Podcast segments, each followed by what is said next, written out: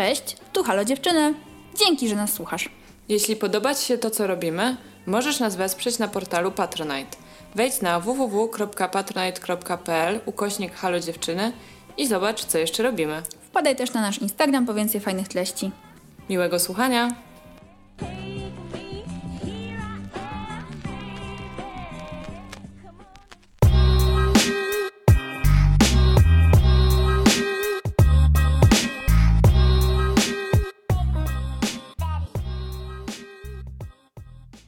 Cześć, ja jestem Zosia. Cześć, ja jestem Ula. I to jest nasz podcast Halo dziewczyny! Halo dziewczyny i wszystkie osoby słuchające, witamy Was. Dzień dobry, dzień dobry. Dzisiaj nie jesteśmy w naszym domowym nagraniowym studio same. Jest z nami bardzo specjalna gościni. Jest to Emilia. Emilia jest edukatorką e, finansową i prowadzi własną platformę. Własną platformę, hehe. Własny, Własny spokój. Feministyczne finanse. Cześć Emilia. Cześć dziewczyny. Cześć. Bardzo się cieszymy, że możemy dzisiaj nagrywać we trzy, ponieważ Emilia jest ekspertką w temacie, w którym my kompletnie nie jesteśmy. Więc mamy nadzieję, że będziemy miały bardzo fajną i interesującą rozmowę o hajsie. Tak, my mm -hmm. nagrałyśmy jeden odcinek o hajsie, ale tak bardzo osobiście i raczej no z takiego, no tak, z osobistego punktu widzenia, a Emilia będzie w stanie powiedzieć nam o pieniądzach coś więcej. Jakieś tajniki świata finansów przed nami odsłonić, które są dla nas zakryte jeszcze. Albo po prostu tak, nie tak. wiemy, jak je odkryć. Może to w ten mm. sposób jest bardziej niż one są zakryte. Chodź zaraz nam powiesz, jak to jest z tymi Jasne. finansami. Dobrze, słuchaj, to y, na początek powiedz nam proszę trochę o sobie, jak to się stało, że zajęłaś się akurat takim tematem, co robisz w ramach y, swojej platformy Własny Spokój, co można znaleźć, jakie treści u ciebie i co można od ciebie kupić. Jasne, to jest, y, to jest tak. Ja jestem z wykształcenia politolożką, natomiast trochę przypadkowo już na początku mojej tak zwanej kariery zawodowej trafiłam do sektora finansowego, a raczej do działki pomocniczej do sektora finansowego i zajmowałam się badaniem ryzyka, to znaczy grzebaniem w śmieciach dużych, dużych firm mhm. i pisaniem o tym, czy są ok, czy nie są ok, e, na potrzeby innych dużych firm, które mogłyby chcieć z tą inną firmą współpracować, więc to było takie dla mnie naprawdę idealne połączenie mojego e, zainteresowania brudem u, u dużych, mm. u dużych korporacji. I właśnie tego, że ja od 15 roku życia też się udzielam aktywistycznie, więc jakby fakt, że ktoś mi chciał płacić za to, żebym siedziała 8 godzin dziennie i pisała raporty o ryzyku reputacyjnym, to było po prostu przewspaniałe. Super. Tak, i wtedy też zdałam certyfikat z e, przeciwdziałania prania pieniędzy, e, jakby taki, taki zupełnie e, pierwszy, więc jakby mam takie no, konkretne umiejętności, doświadczenia w tym zakresie i potem dosyć krótko pracowałam w banku inwestycyjnym, tak właśnie też od tyłów, gdzieś tam obserwując to, jak duże, duże firmy i fundusze inwestują. Mm, jak wyglądają te przepływy pieniężne i tam po prostu nie wytrzymałam długo po prostu dlatego, że świat bankowy mnie po prostu umarł, wziął mnie i umarł. No, ale jakby już wtedy gdzieś tam u mnie prywatnie zaczęła się dziać taka rozkmina odnośnie hajsu i tego, co ja robię ze swoimi pieniędzmi. Mhm. Mm, ja mam też taką historię, że bardzo, bardzo kompulsywnie wydawałam pieniądze i dla mnie to był zawsze taki mocno trudny temat tego, na co sobie pozwalam wydawać, na co sobie nie pozwalam wydawać i jakby zawsze czułam, że to jest jakieś strasznie chaotyczne u mnie. Więc e, w miarę jak pracowałam nad tym, żeby jakoś sobie trochę wyprostować podejście do pieniędzy, to też właśnie oglądałam to z takiej mocno mak makroskali, w sensie patrząc na to, jak pieniądze przepływają u takich naprawdę dużych graczy. No i w sumie stąd e, jakby z tego wszystkiego wynika taki profil właśnie własnego spokoju, który z jednej strony zajmuje się właśnie feministycznymi finansami, czyli finansami osobistymi, ale takiej narracji, która nie pomija właśnie wykluczeń społecznych, nie pomija kryzysu klimatycznego, a z drugiej strony też e, zajmuje się etycznym inwestowaniem, czyli jakby patrzeniem na to, jakie w ogóle mamy możliwości jakiegoś przechowywania pieniędzy, oszczędzania, ale też e, pomnażania tych pieniędzy, które mamy, a raczej w obecnej sytuacji chronienia ich przed inflacją.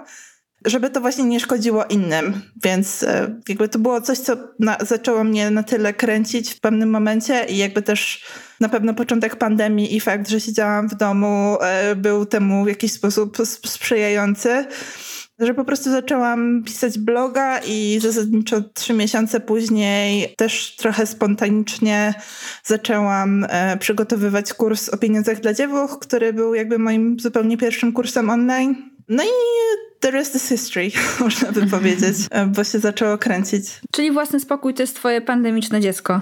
W sensie w końcu miałeś czas i przestrzeń, żeby tą wiedzą, którą zbierałaś przez lata się podzielić z innymi. Tak, stuprocentowo. Po prostu było na tyle jakby dużo nudy w moim życiu, że nie miałam trochę wymówki, żeby nie siąść i, i zacząć robić. A powiedz mi, bo właśnie to, co się rzuca w oczy pozytywnie bardzo moim zdaniem, wchodząc na twojego bloga, to jest właśnie inkluzywność. Mhm. I y, jakbyś mogła nam powiedzieć właśnie, co ci skłoniło do tego, żeby skupić się właśnie na osobach, które borykają się z różnego rodzaju wykluczeniami i właśnie jak ich finanse osobiste, czy właśnie jak ich formy oszczędzania mogą być inne niż osób, które mhm. po prostu nie mają tego typu problemów. No właśnie, to jest ważne dla mnie bardzo, głównie dlatego, że ja w momencie, gdy właśnie zaczęłam tą moją przygodę w ogóle z ogarnianiem swojej własnej sytuacji, i gdy zaczęłam patrzeć na to, jakie w ogóle media finansowe są e, dostępne, w sensie co można czytać, co można oglądać, kogo można słuchać, no to się po prostu wkurwiłam. po prostu się wkurwiłam na to, że to są sami biali, bogaci faceci, którzy mówią o czymś z perspektywy właśnie nie kupuj kawy i nie kupuj tego tosta z awokado. Tosty z awokado, tak, mhm. będziesz miała dom. Że po prostu jest tak mało ośrodków informacji, edukacji finansowej, które w ogóle są, nie wiem, jakoś nie przymykają oczy na to, że nie wszyscy jesteśmy y, białymi cishet facetami, którzy, którzy zarabiają świetnie w swojej, w swojej pracy w, w branży IT, nie? Więc ja zaczęłam szukać takich właśnie sposobów mówienia o pieniądzach, które były mi bliższe i znalazłam tego naprawdę masę, ale to są przefantastyczne blogerki finansowe w Stanach, w, jakby w anglojęzycznych mediach. Tego jest trochę i one są naprawdę cudowne. Jest, jest też trochę książek, które zostały jakby napisane w takim, w takim nurcie.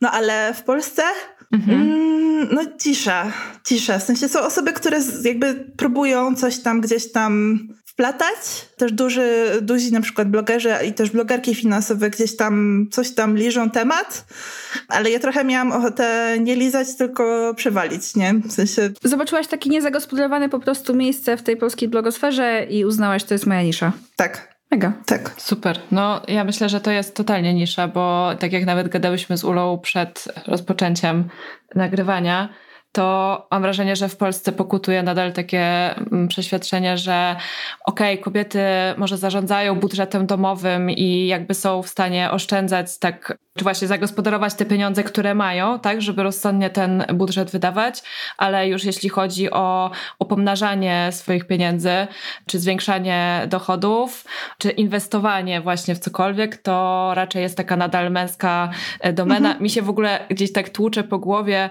mm, taki nie wiem, to z jakiegoś filmu chyba, czy z literatury, taki tekst rzucony do kobiety, że a, nie, ty swojej ślicznej główki nie zaprzątaj takimi sprawami, że po prostu, no to jest nie, nie na nasze umysły kobiece po prostu ułomne i niezdolne do liczenia.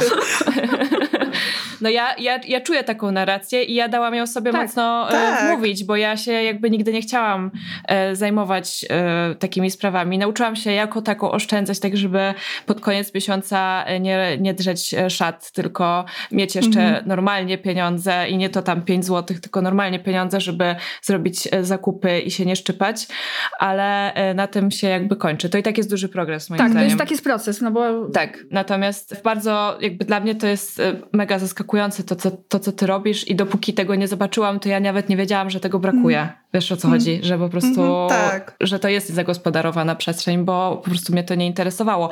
A powinno, bo pieniądze są ważne i ty też mhm. piszesz o tym na swoim e, blogu i jakby podkreślasz to w swoich treściach, że za mało gadamy o pieniądzach, że cały czas traktujemy pieniądze jako taki śmierdzący tabu temat, e, który w ogóle nie wypada rozmawiać. Pieniądze się albo ma, albo nie ma. Można narzekać na to, że się ich nie ma, ale generalnie nie gadamy specjalnie o szczegółach. Mhm.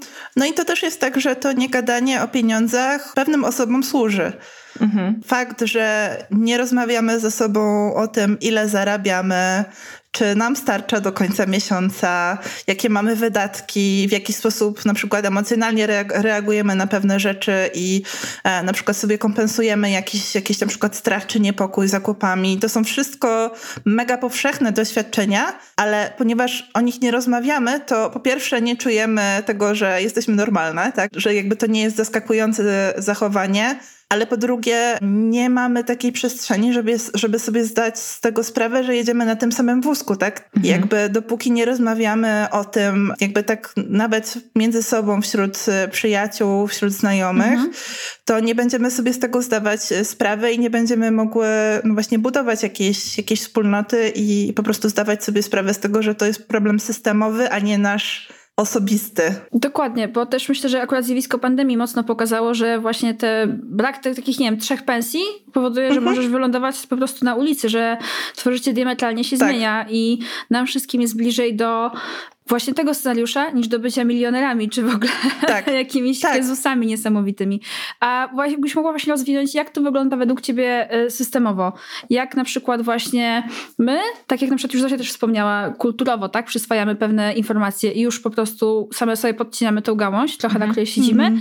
a jak właśnie według ciebie ten system wpływa na to, jak my możemy postrzegać nasze osobiste finanse? Po pierwsze fakt, że rozmowy i narracje o finansach osobistych, które widzimy, e, to to, że one są skupione na osobach, które zarabiają bardzo dużo, wpływa na to, że żyjemy w takim stanie permanentnego niezadowolenia i poczucia braku. To jest, myślę, też bardzo powszechne doświadczenie i to jest oczywiście jakby nie tylko w kwestii finansów, ale też Instagramo za to, że aspirujemy do żyć, które są zupełnie nieprawdziwe i nieosiągalne. No więc w momencie, gdyby ta rozmowa o pieniądzach byłaby bardziej zdywersyfikowana i bardziej e, jakby taka bliższa rzeczywistości, to myślę, mhm. że to też by miało dużo pozytywnego wpływu na nasze po prostu zdrowie psychiczne, tak, że nie będziemy się cisnąć do tego, żeby e, zarabiać jakieś szalone pieniądze, bo właśnie one są szalone, szczególnie, mhm. szczególnie u nas. I jakby też to, że w momencie, gdy narzuca się nam taką właśnie narrację o bardzo bogatym życiu, powoduje, że wiele osób żyje permanentnie na kredyt i mhm. wpada w spiralę długów, e, po prostu dlatego, że nam się wydaje, że jakby pewien poziom życia powinien już być nam dostępny, bo na przykład nie jesteśmy, nie wiem, nie, nie mieszkamy w mieszkaniach socjalnych, ale tak naprawdę to jeszcze ciągle nie jest to, bo nie słyszymy o rzeczywistych doświadczeniach osób naokoło. No dobra, czyli po prostu brakuje nam takiej transparentności i takich bardzo jednostkowych y, sytuacji. A czy są oprócz tego jakieś rzeczy systemowe, z którymi się musimy mierzyć jako mhm. pojedyncze konsumenci, obywatele? E, szczególnie jeśli chodzi o sytuację kobiet, osób socjalizowanych do tej roli i osób LGBTQ, no to to jest temat, na który no, można by było książki pisać i bardzo mi jest przykro, że one nie powstają mhm. na razie. Mam nadzieję, że będzie ich więcej. No bo jakby z, perspektywy chociażby nie mniejszości, tak, czyli kobiet, fakt, że mamy do czynienia i z luką płacową, i z takimi bardziej marketingowo-sprzedażowymi problemami jak pink tax, to że jakby produkty w kolorze różowym tak. kosztują dużo więcej niż, niż takie same produkty adresowane do, do mężczyzn. To są dwie rzeczy z brzegu, o których rozmawia się bardzo dużo, ale nie rozmawia się o takich jakby jeszcze głębszych problemach, to znaczy znaczy to, że na przykład cały, nie wiem, system transportowy jest zbudowany zupełnie nie dla kobiet, mimo że kobiety jakby statystycznie najwięcej tych podróży, na przykład komunikacją miejską wykonują. Ja to teraz e, opowiadam na podstawie tej fantastycznej książki Niewidzialne, Niewidzialne kobiety, kobiety, o której, tak. tak, o której, o której wszyscy, wszyscy rozmawiają bardzo słusznie. Polecamy, proszę przeczytać. Zdecydowanie to jest lektura warta uwagi. Off-top. Wracamy, no? Mhm. Tak. Więc jakby patrząc na jakby pierwszą z brzegu sferę życia, to znaczy transport, w momencie, gdy jakby przez kilkadziesiąt lat życia codziennie podróżuje się w systemie, który wymaga na tobie, że będziesz płacić więcej, mimo to, że jesteś większością tego systemu, po prostu dlatego, że jeżeli jesteś kobietą, osobą socjalizowaną do roli kobiety, to nie wykonujesz wyłącznie takiej liniowej podróży pomiędzy miejscem pracy a domem, tylko, nie wiem, odprowadzasz dzieci do, do przedszkola, zajmujesz się osobą starszą albo osobą zależną od siebie, masz mnóstwo innych obowiązków i jakby to powoduje, że też takie naprawdę minimalne rzeczy w naszym codziennym doświadczeniu, gdy się je zbierze do kupy właśnie na przestrzeni e, lat, dziesiątek lat, one naprawdę godzą e, w nasze bezpieczeństwo finansowe i to jest jakby tylko jedna z warstw, bo następna jest taka, że ponieważ jest to oczekiwanie, ale też jakby z powodów biologicznych, tak, ponieważ my zachodzimy w ciążę, ponieważ e, jakby wychodzimy z rynku pracy, potem opiekujemy się dziećmi najczęściej, jest to jakby wymagane od nas kulturowo, no to najczęściej pracujemy na częściach etatu albo na niepełnym etacie, na jakichś bardziej elastycznych umowach, które też oczywiście są mniej płatne, też nie oferują na przykład e, jakiegoś e, niektórych części ubezpieczenia albo ubezpieczenia emerytalnego, jeśli pracujemy na dziele albo na czarno. I to się wszystko, wszystko składa aż do tego momentu, w którym e, dochodzimy do wieku emerytalnego i nagle się okazuje, że wiele kobiet otrzymuje emeryturę o połowę mniejszą niż mężczyźni. Więc jakby to jest taka cała olbrzymia historia e, miesięcy, lat, dziesiątek lat, które doprowadzają do tego, że kobiety po prostu są biedne. Nasze bezpieczeństwo finansowe jest podminowywane od samego początku, od jakby naszych pierwszych dni. Już nie mówiąc o tym, że nasze zdrowie psychiczne przecież też e, musimy jakoś żyć tym, w tym patriarchacie i jakby w tych wszystkich sprzecznych e, wymogach, e, które się nam narzuca. Jeżeli jest nam źle, to nam się mówi, że mamy sobie kupić drogą maskę do twarzy, tak? To wszystko, to są wszystko wybory finansowe. Bardzo smutno mi się zrobiło teraz, że przytłoczyło mnie to. No, ja już jestem, ja już jestem całe szczęście na takim etapie, że mnie to tylko wkurwia, więc e, przeszłam, przeszłam smutek.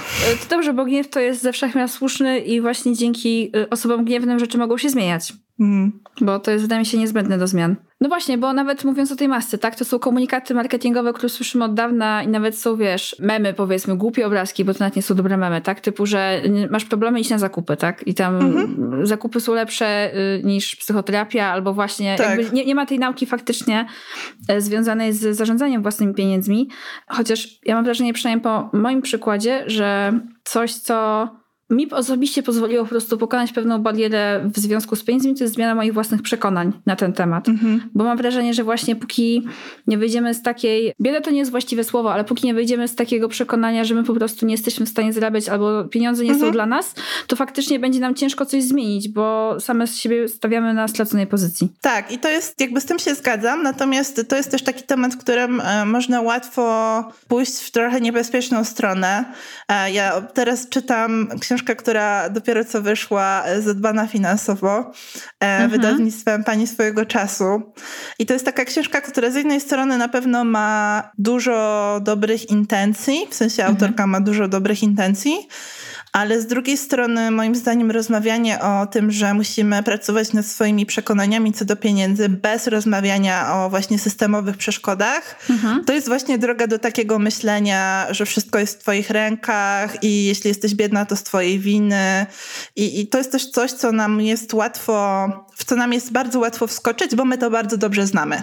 Tak? To się niczym nie różni od tego, e, od tej całej właśnie takiej nowobogackiej, liberalnej narracji, w której no właśnie, jeżeli jesteś bogaty, to po prostu ciężko pracowałeś i nie ma to nic tak. wspólnego z tym, że odziedziczyłeś miliardy dolarów. Albo wyzyskujesz ludzi, tak? Jakby żaden miliarder przecież nie tak. pracuje, tak. ich stawka godzinowa nie jest tak. liczona w milionach, bo no więc to właśnie. jest ich własna praca. Mhm. No więc właśnie, więc to jest taki, taki temat, w którym ja też y, mam czasami trudności manewrować i jakby staram się to robić bardzo uważnie, bo no bo właśnie mam wrażenie, że o ile taka miękka praca z podejściem do pieniędzy i jakby swoim nastawieniem do tego, jakie w ogóle mam możliwości i co mogę sama zrobić, w sensie, żeby się trochę wyprowadzić z takiego, o Boże, nic, nic nie dam rady i to jest jakby wszystko przegrane i, i koniec z drugiej strony pójście w takie, w takie, że mam totalną władzę nad tym, co się mhm. dzieje, no jest krzywdzące i to też powoduje, że dla wielu osób w ogóle rozmowa o pieniądzach to jest, one dlatego w niej e, nie uczestniczą, bo to jest po prostu bolesne, tak? Bo jakby tych przekazów,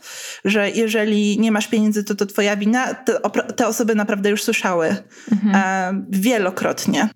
Ja się wcale nie dziwię, że, że po prostu nie ma ochoty ktoś wchodzić e, w taką rozmowę w momencie, gdy wie, że okej, okay, za 3, 2, 1 dostanę pół łbie.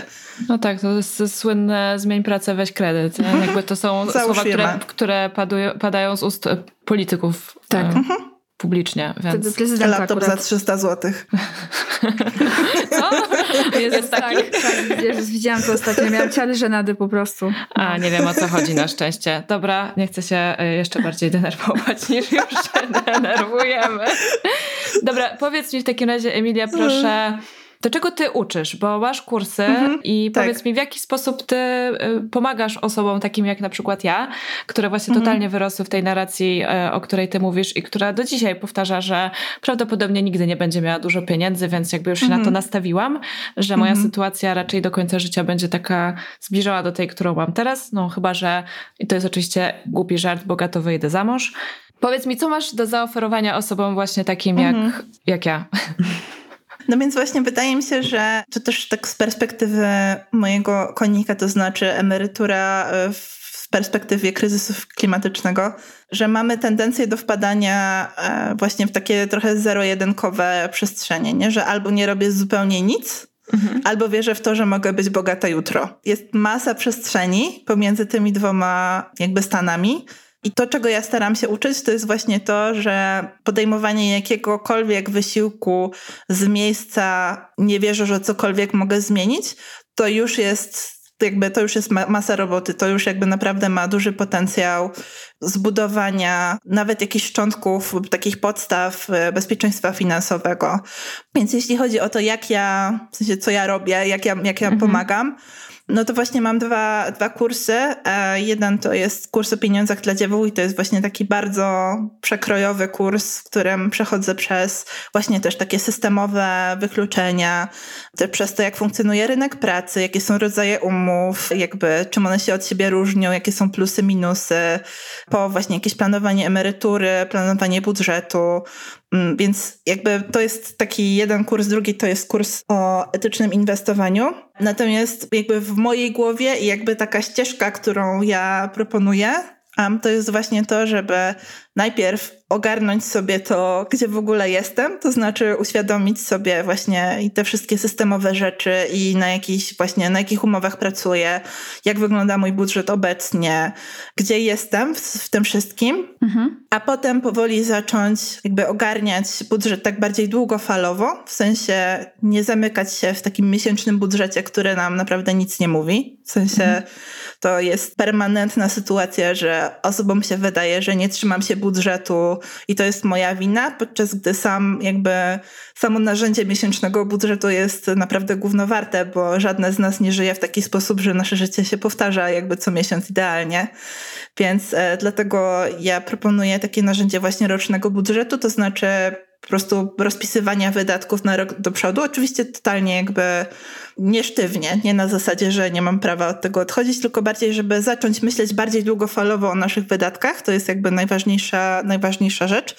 No i jakby to jest pierwszy krok, a drugi to jest e, zaczęcie właśnie planowania tego, jak mogę sobie zbudować jakiś fundusz kryzysowy.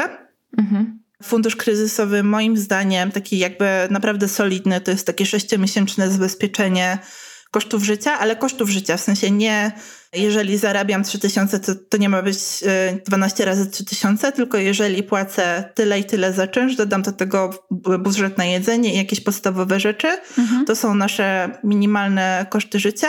I potrzebujemy mieć zabezpieczenie takie, że właśnie gdy stracimy pracę, gdy zachorujemy, gdy na przykład e, rozejdziemy się z partnerem, potrzebujemy się wyprowadzić, gdy zadzieje się coś e, na przykład bardzo kryzysowego, na przykład potrzebujemy aborcji, tak, e, w obecnych czasach, żebyśmy miały taki solidny fundusz, właśnie kryzysowy, nie na kupno nowego telefonu mhm. albo laptopa, który no, nam po prostu uratuje w dupę w takich najgorszych, najgorszych sytuacjach. I jakby z mojego doświadczenia, bo ja też całe życie takiego funduszu nie miałam, moment, gdy te pieniądze są, to już jest taki moment, w którym no po prostu spada taki ciężar z ramion to prawda. Że to jest kosmos. To przeżyłam akurat, bo udało mi się rok temu zbudować jakieś tam minimalne, mhm. ale jednak oszczędności i jak straciłam pracę, to byłam w stanie trzy miesiące przeżyć na tych oszczędnościach. No i w ciągu tych trzech miesięcy dostałam pracę, więc jakby byłam mhm. w dobrej sytuacji, bardzo dobrej tak naprawdę.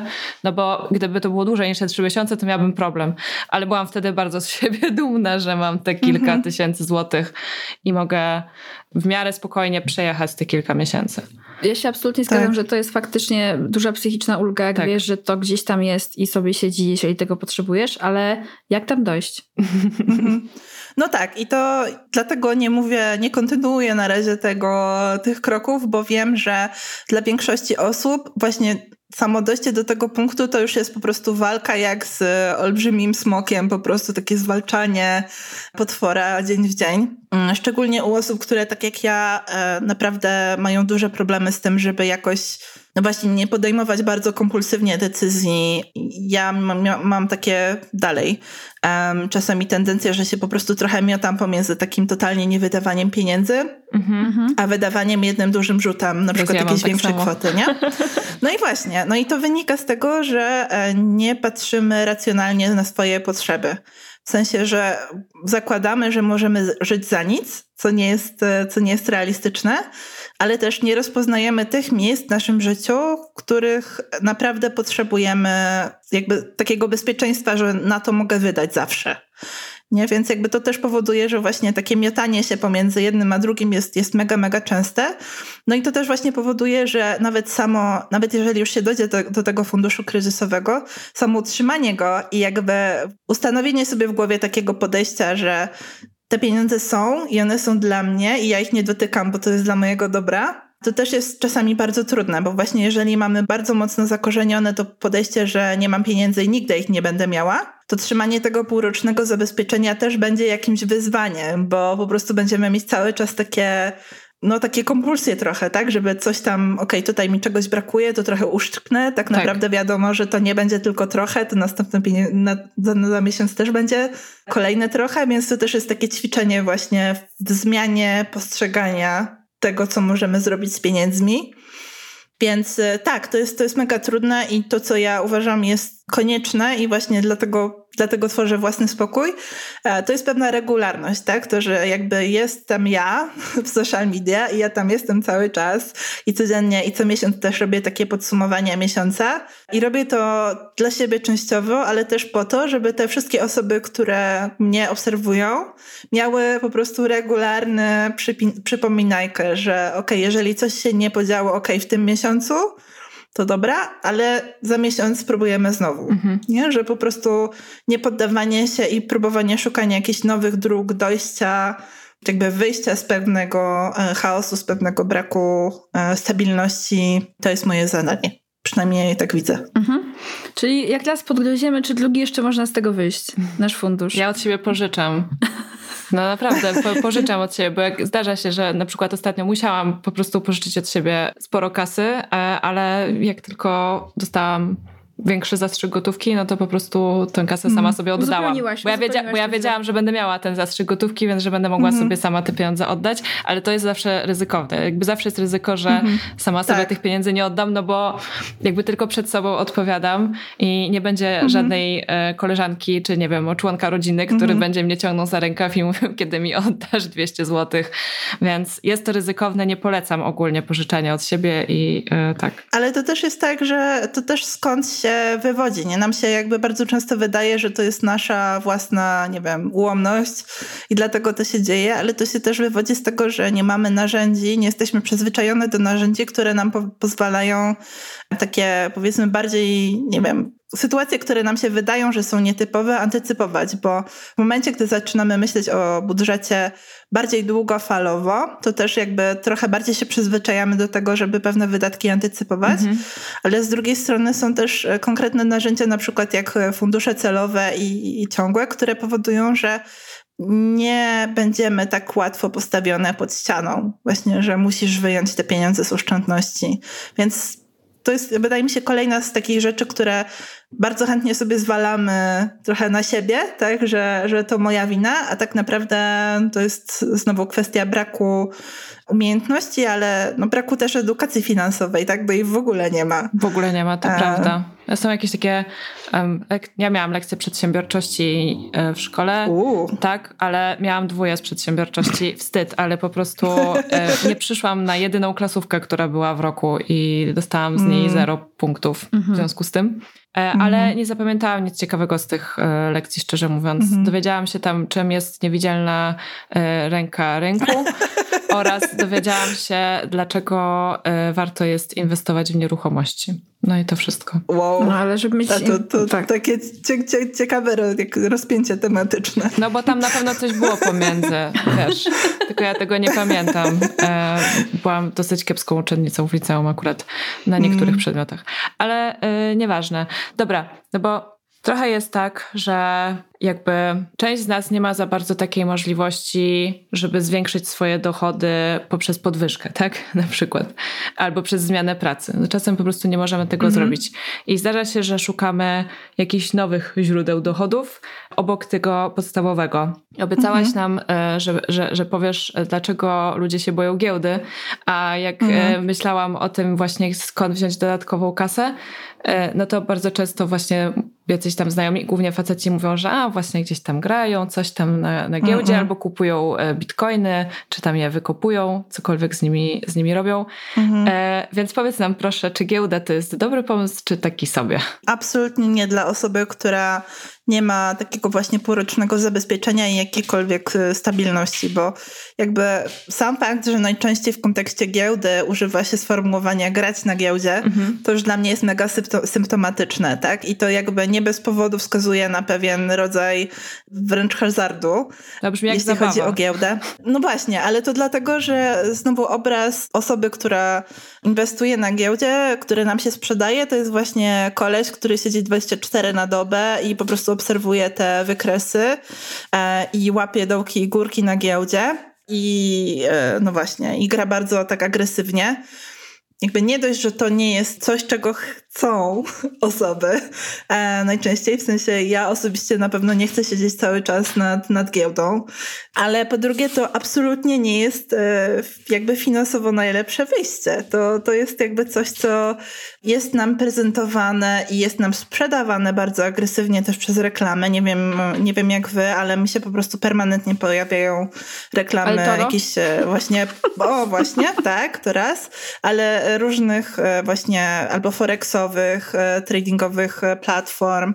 To nie jest bez powodu, bo jedna z takich platform, której nazwy nie wymienię, bo się boję, że mnie pozwą, na przykład ma w stopce taki tekst, że 77% osób, które inwestują na tej platformie traci pieniądze, nie? Wiem o co no. ci chodzi. Ja też widziałam pewne mhm. reklamy, których jest małym druczkiem, ponieważ to jest obowiązek prawny, żeby coś takiego tak. zawrzeć i faktycznie raz z ciekawości mhm. zrobiłam stop klatkę na YouTubie i mhm. się wczytałam. Tak, tak, tak, bo, bo to jest właśnie, to są strony, które zarabiają na Twoich e, stratach, zarabiają na tym, że mają na przykład e, konkretne opłaty za założenie konta, e, albo nawet na tym, że po prostu będziesz coraz większe pieniądze ładować w tą stronę, myśląc, że w końcu ci się poszczęści i się odbijesz.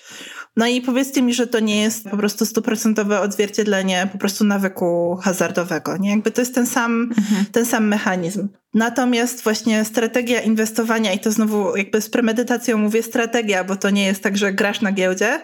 Strategia inwestycyjna, która jest najbardziej korzystna długofalowo, to jest inwestowanie regularne, nawet małych kwot, długofalowo, nie na zasadzie teraz wrzucę kilka tysięcy i będę próbować łapać dołek i po prostu złoję jakieś olbrzymie pieniądze tylko naprawdę na zasadzie budowania długofalowo bezpieczeństwa finansowego i do tego giełda jest ok.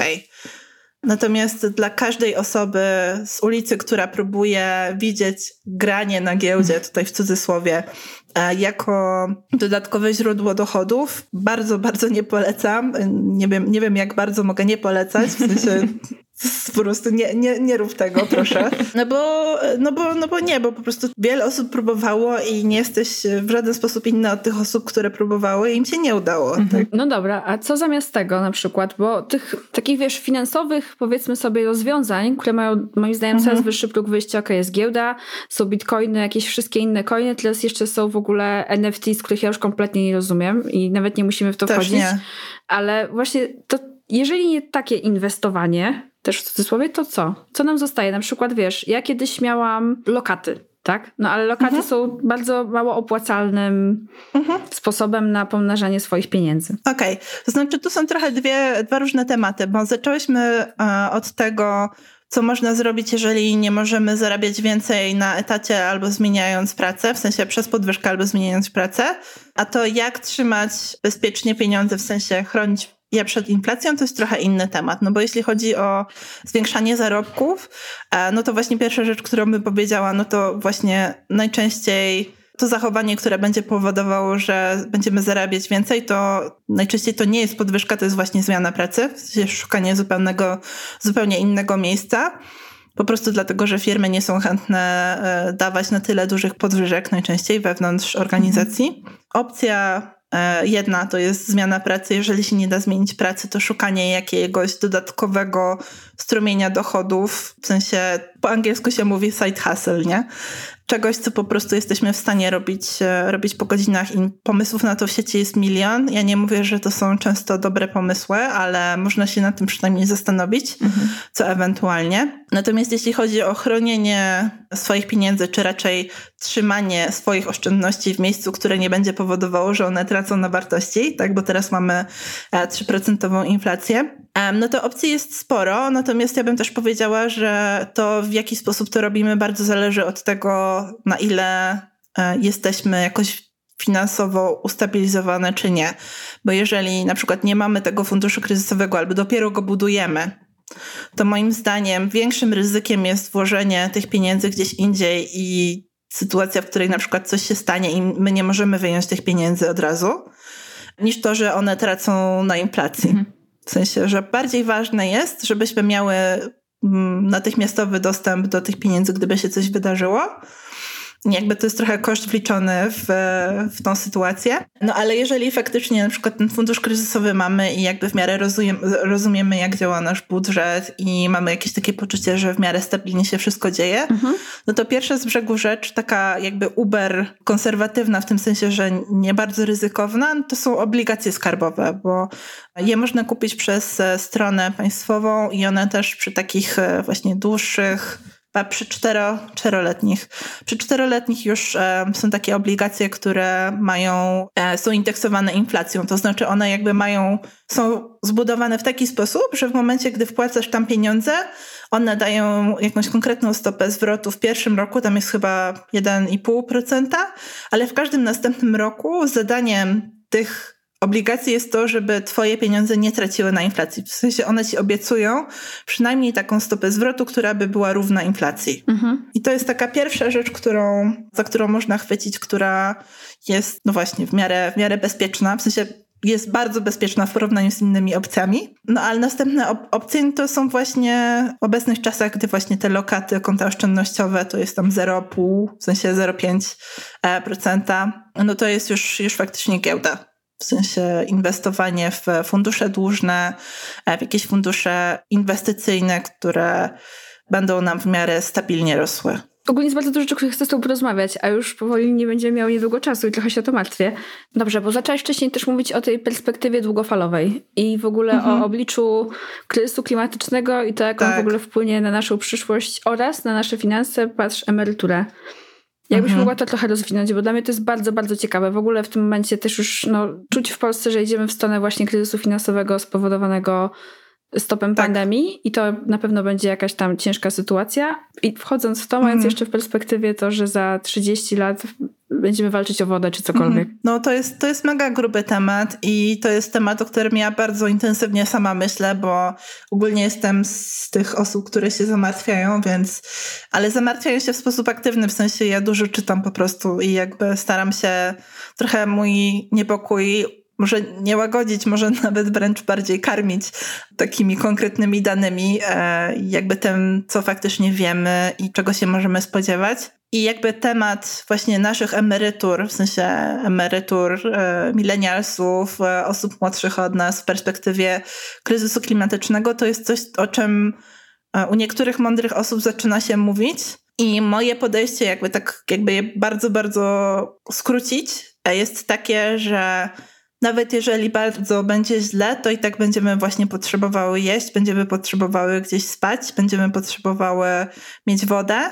To nie jest tak, że nasz wybór jest pomiędzy nierobieniem absolutnie niczego dla siebie, a właśnie przekonania, że tego kryzysu klimatycznego nie będzie. Tak, znowu jest cała olbrzymia przestrzeń pomiędzy tym.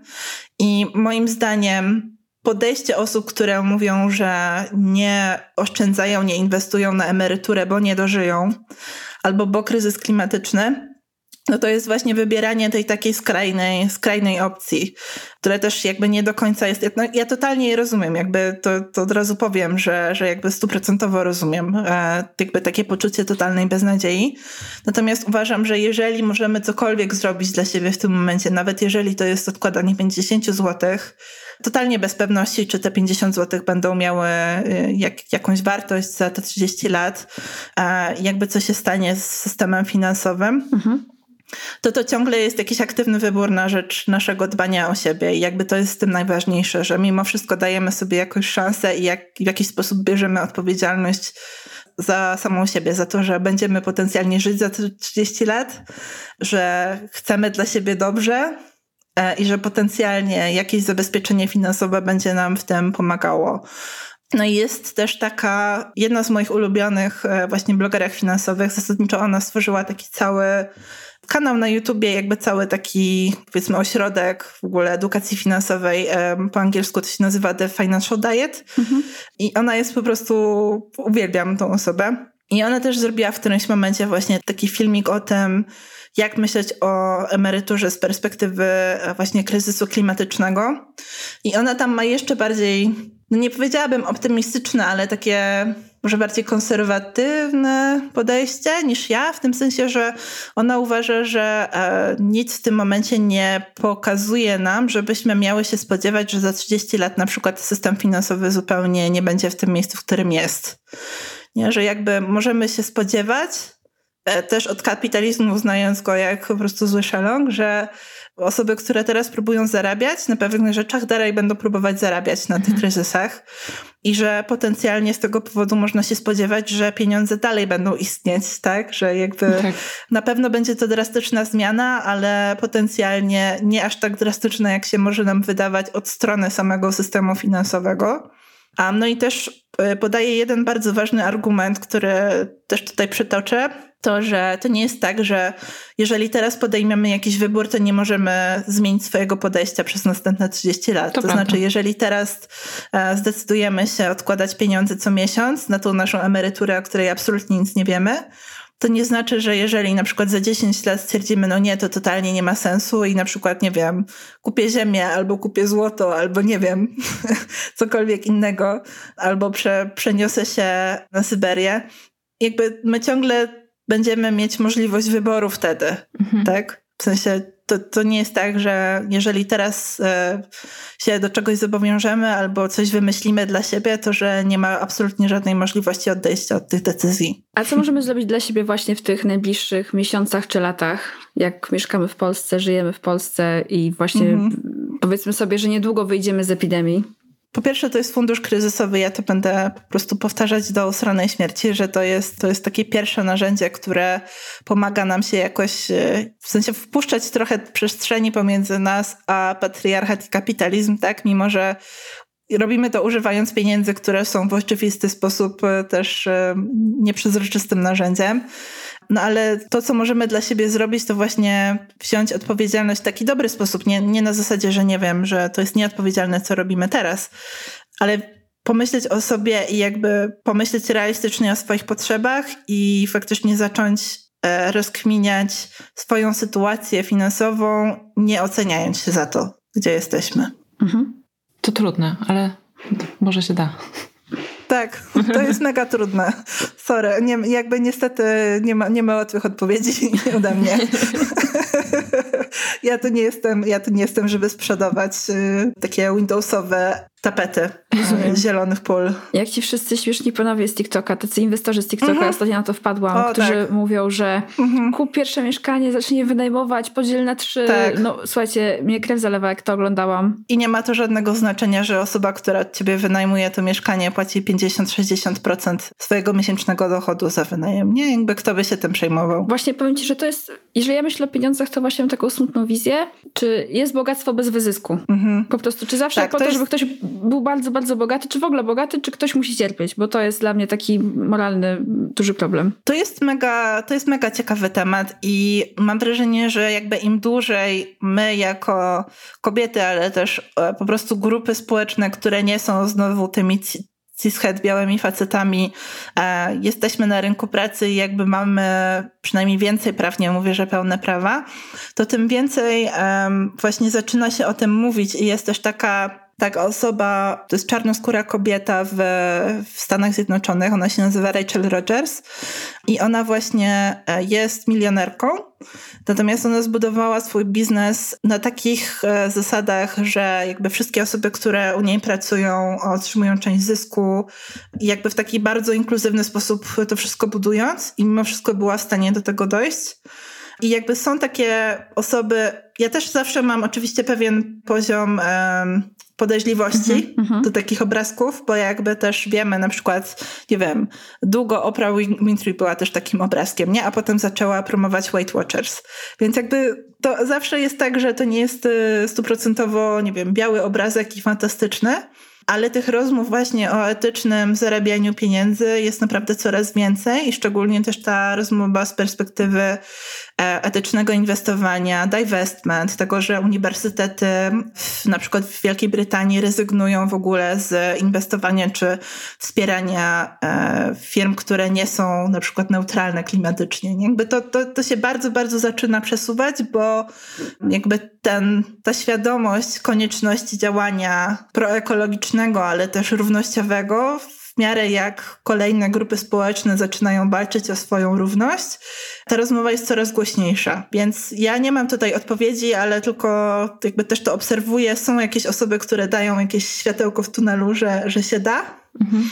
Ale oczywiście to też nie jest tak, że większość bogatych w tej chwili, wszyscy praktycznie, nie zbudowali swoich biznesów na totalnym wyzysku. Więc jakby to jest totalnie racjonalne nie ufać Zgadzam się, na szczęście, tak jak mówisz, jest światełko w tunelu. Mm. Gdzieś tam daleko. Tak, powoli gra się zmienia. Życiowy parkiet bywa śliski. Okej. Okay. Słuchajcie, my już powoli musimy kończyć, bo mhm. na tej super ciekawej rozmowie nie wiadomo jak to się stało. Minęło już nam 50 minut, więc mhm. powolutku zmierzamy do końca. Jakbyś mogła się tylko, Emilia, podzielić taką informacją, jeżeli chcesz, czy pracujesz nad czymś nowym? Czy będzie coś nowego w ofercie Twoich kursów, a może dodajesz mhm. jeszcze coś do swojej platformy, jakieś kolejne tak. źródło wiedzy? Tak, ogólnie mogę, nienawidzę tego sformułowania, ale też go użyję, że mogę zdradzić. Teraz jest czas na chamską autoreklamę. Dawaj. Także oprócz dwóch kursów online, które już teraz mam, czyli kurs dla początkujących o inwestowaniu i kurs o pieniądzach dla dziewuch, jest też trzeci taki mini kurs właśnie taki od, od zera do bohaterki na zasadzie jak z, właśnie z totalnego chaosu e, już mieć taki jakby unormowany budżet i jakby widzieć światełko w tunelu, więc, więc tak, jakby takie trzy propozycje mam.